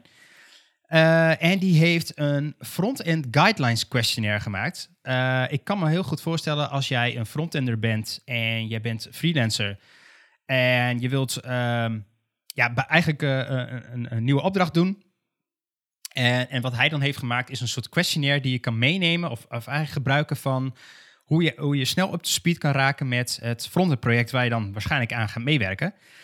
En dat gaat over vragen van, hey, hoe, eh, welke tools eh, gebruiken jullie? Welke preprocessors gebruik je? Eh, hoe hebben jullie de CSS opgebouwd? Hoe is dat geschreven? Gebruik je Smax of BAM of nou, noem het maar op. Gebruik je LES of SAS? Ehm, eh, zo ook wat vragen over JavaScript, fonts, performance, nou allerlei type vragen. En eh, ik denk dat het wel eh, waardevol kan zijn voor als je een, eh, een, een, een nieuw project gaat beginnen met... nou, ik denk ook dat het ook wel trouwens bij interne bedrijven kan beginnen. dat je bij een ander projectteam terechtkomt. Mhm. Zijn dit hele goede vragen om te stellen? zodat je snel up to speed raakt en dat ook iedereen een beetje de, de, ja, dezelfde kant op kijkt. Want ja, als die vragen nog niet goed beantwoord kunnen worden, dan kun je ze ook dan op papier zetten, denk ik. Ja, dat denk ik sowieso Ehm, wel handig voor gewoon iedereen die iets met het project moet doen. Om eh, een Ja. soort overzicht te hebben. Want dat is wel iets wat vaak, eh, vaak voorkomt. Ja, dus eh, ja, het linkje ga ik ook, ook even in de description zetten naar die questionnaire toe. Staat op GitHub, het wordt door een Vital contributors aangepast. En af en toe zetten ze daar weer wat dingen bij. Ze houden hem dus netjes bij. Een, erg interessant. wat een goed gevulde description dit keer. Ja, dit, dit wordt flink, kloppen. We hebben ook een character limit. Eh, dat is een goede. Geen idee. Gaan we achterkomen. We gaan proberen om het allemaal erin te zetten. Anders kun je naar onze website toe gaan. pixelparanoia.com Eh, en ik wil eigenlijk ook nog even melden. Eh, we zijn dus, wat ik in de vorige aflevering ook al meldde, maar we zijn op alle platformen beschikbaar. Dus of het nou Google Podcast is, Sp- Spotify, Apple Podcasts, nou, of je andere favoriete podcast eh, we komen overal in tevoorschijn. Mocht je ons zien en ons nou eh, heel leuk vinden, eh, ja, laat dan ook even eh, vijf sterren achter. Hebben we het aan. Want dan kan onze community ook wat uitgebreider worden. En dan komen we ook wat in andere lijstjes terecht. En ehm, ja, daar wil ik, wil ik, het- eigenlijk laten. Als je nog tips, tricks, interessante artikelen, apps of andere zaken hebt die wij kunnen proberen, testen, reviewen, dan horen we dat graag.